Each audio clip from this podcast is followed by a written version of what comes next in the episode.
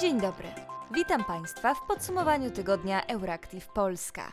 Dzisiaj opowiemy innymi o powrocie maseczek na Cypr oraz o obowiązkowej służbie wojskowej na Łotwie. Nazywam się Patrycja Gosk, a w wirtualnym studiu jest też Bartosz Sieniawski. Wydawczynią podcastu jest Kinga Wysocka.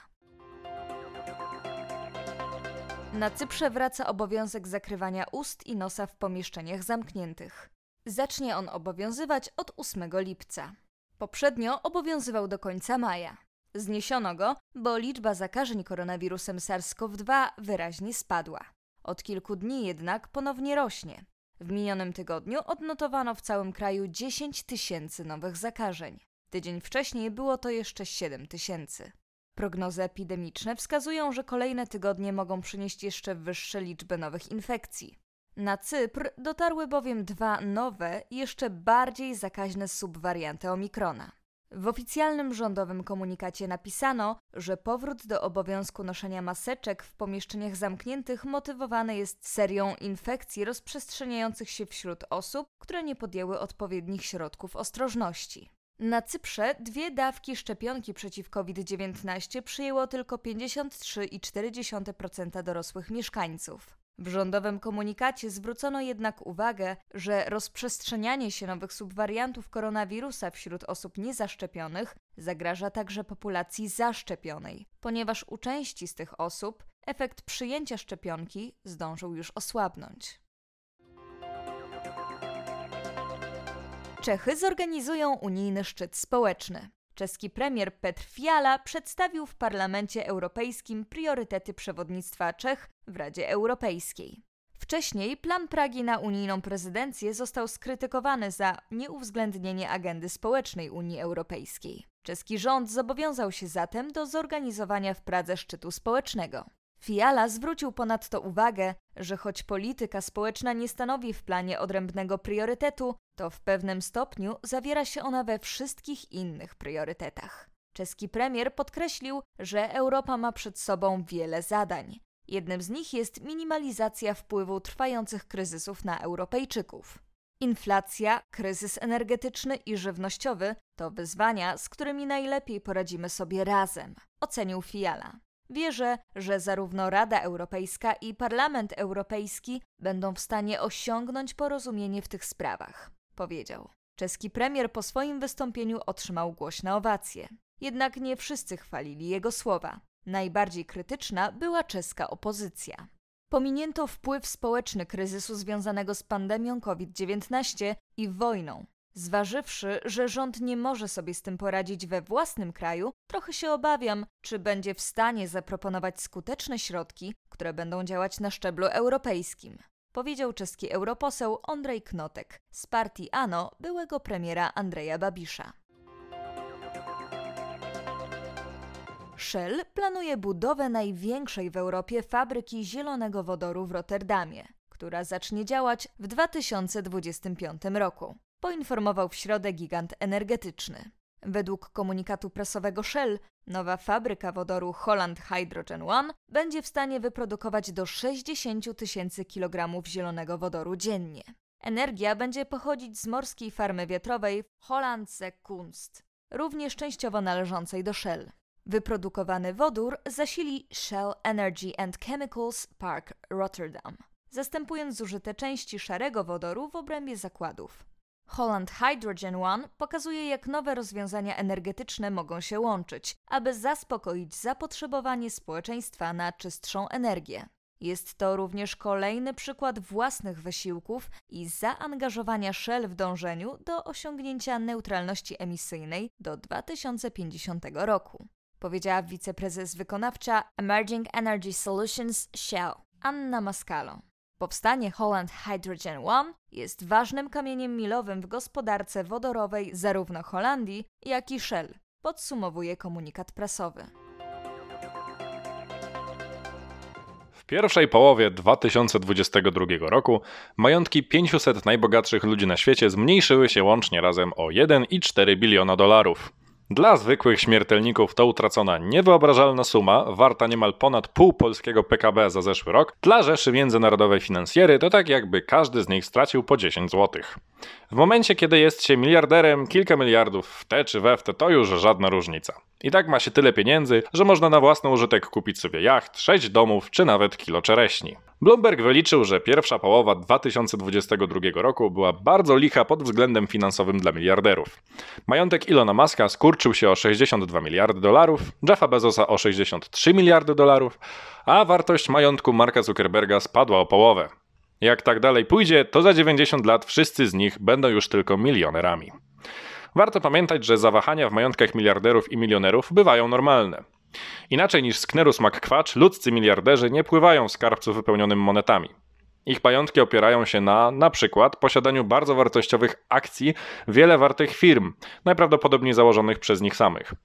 Jeśli więc wartości kolosalnych majątków uzależniamy od ich wartości giełdowej, a co za tym idzie, tak naprawdę jedynie umówiliśmy się wszyscy, kto konkretnie w danej chwili jest najbogatszy na świecie, nie ma się co dziwić, że jednego dnia Elon Musk wart jest 100 miliardów dolarów, a innego tylko 70. To stąd biorą się także ciągłe zmiany w pierwszym miejscu podium najbogatszej osoby na świecie.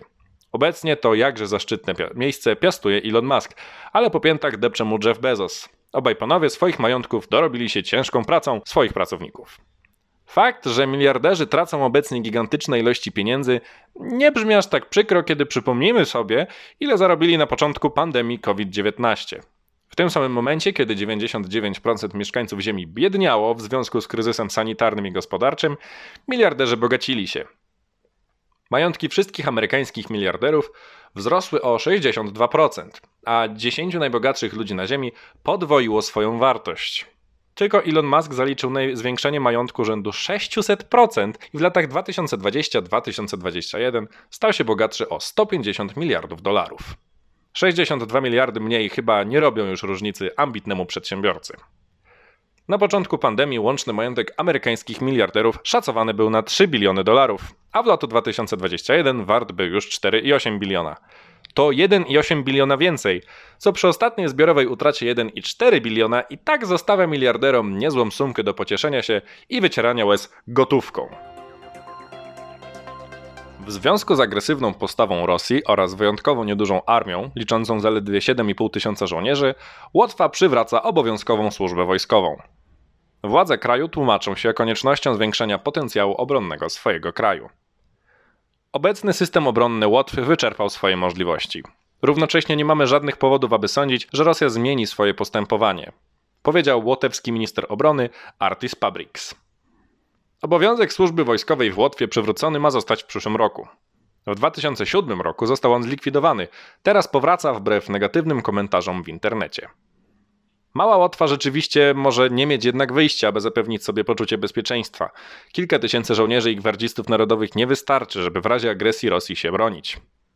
Łotwa dołączyła do NATO w 2004 roku, a jej społeczeństwo wierzy w gwarancję bezpieczeństwa zapewnioną przez Sojusz. Łotysze na obronność przeznaczają aż 2,3% swojego niedużego PKB, chcąc zapewnić sobie jak najsilniejszy potencjał obronny.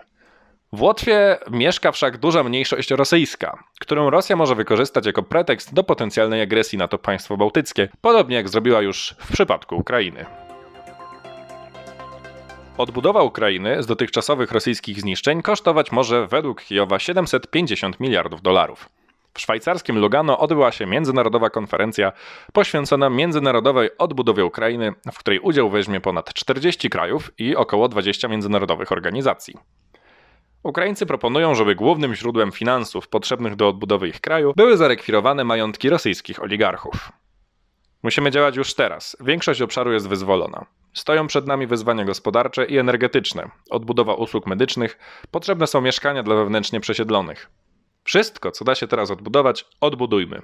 Bo dopóki są ruiny, to ta wojna będzie trwała, powiedział prezydent Ukrainy Wołodymyr Zełęński w czasie wystąpienia online. Kluczową rolę w odbudowie Ukrainy ma mieć Unia Europejska.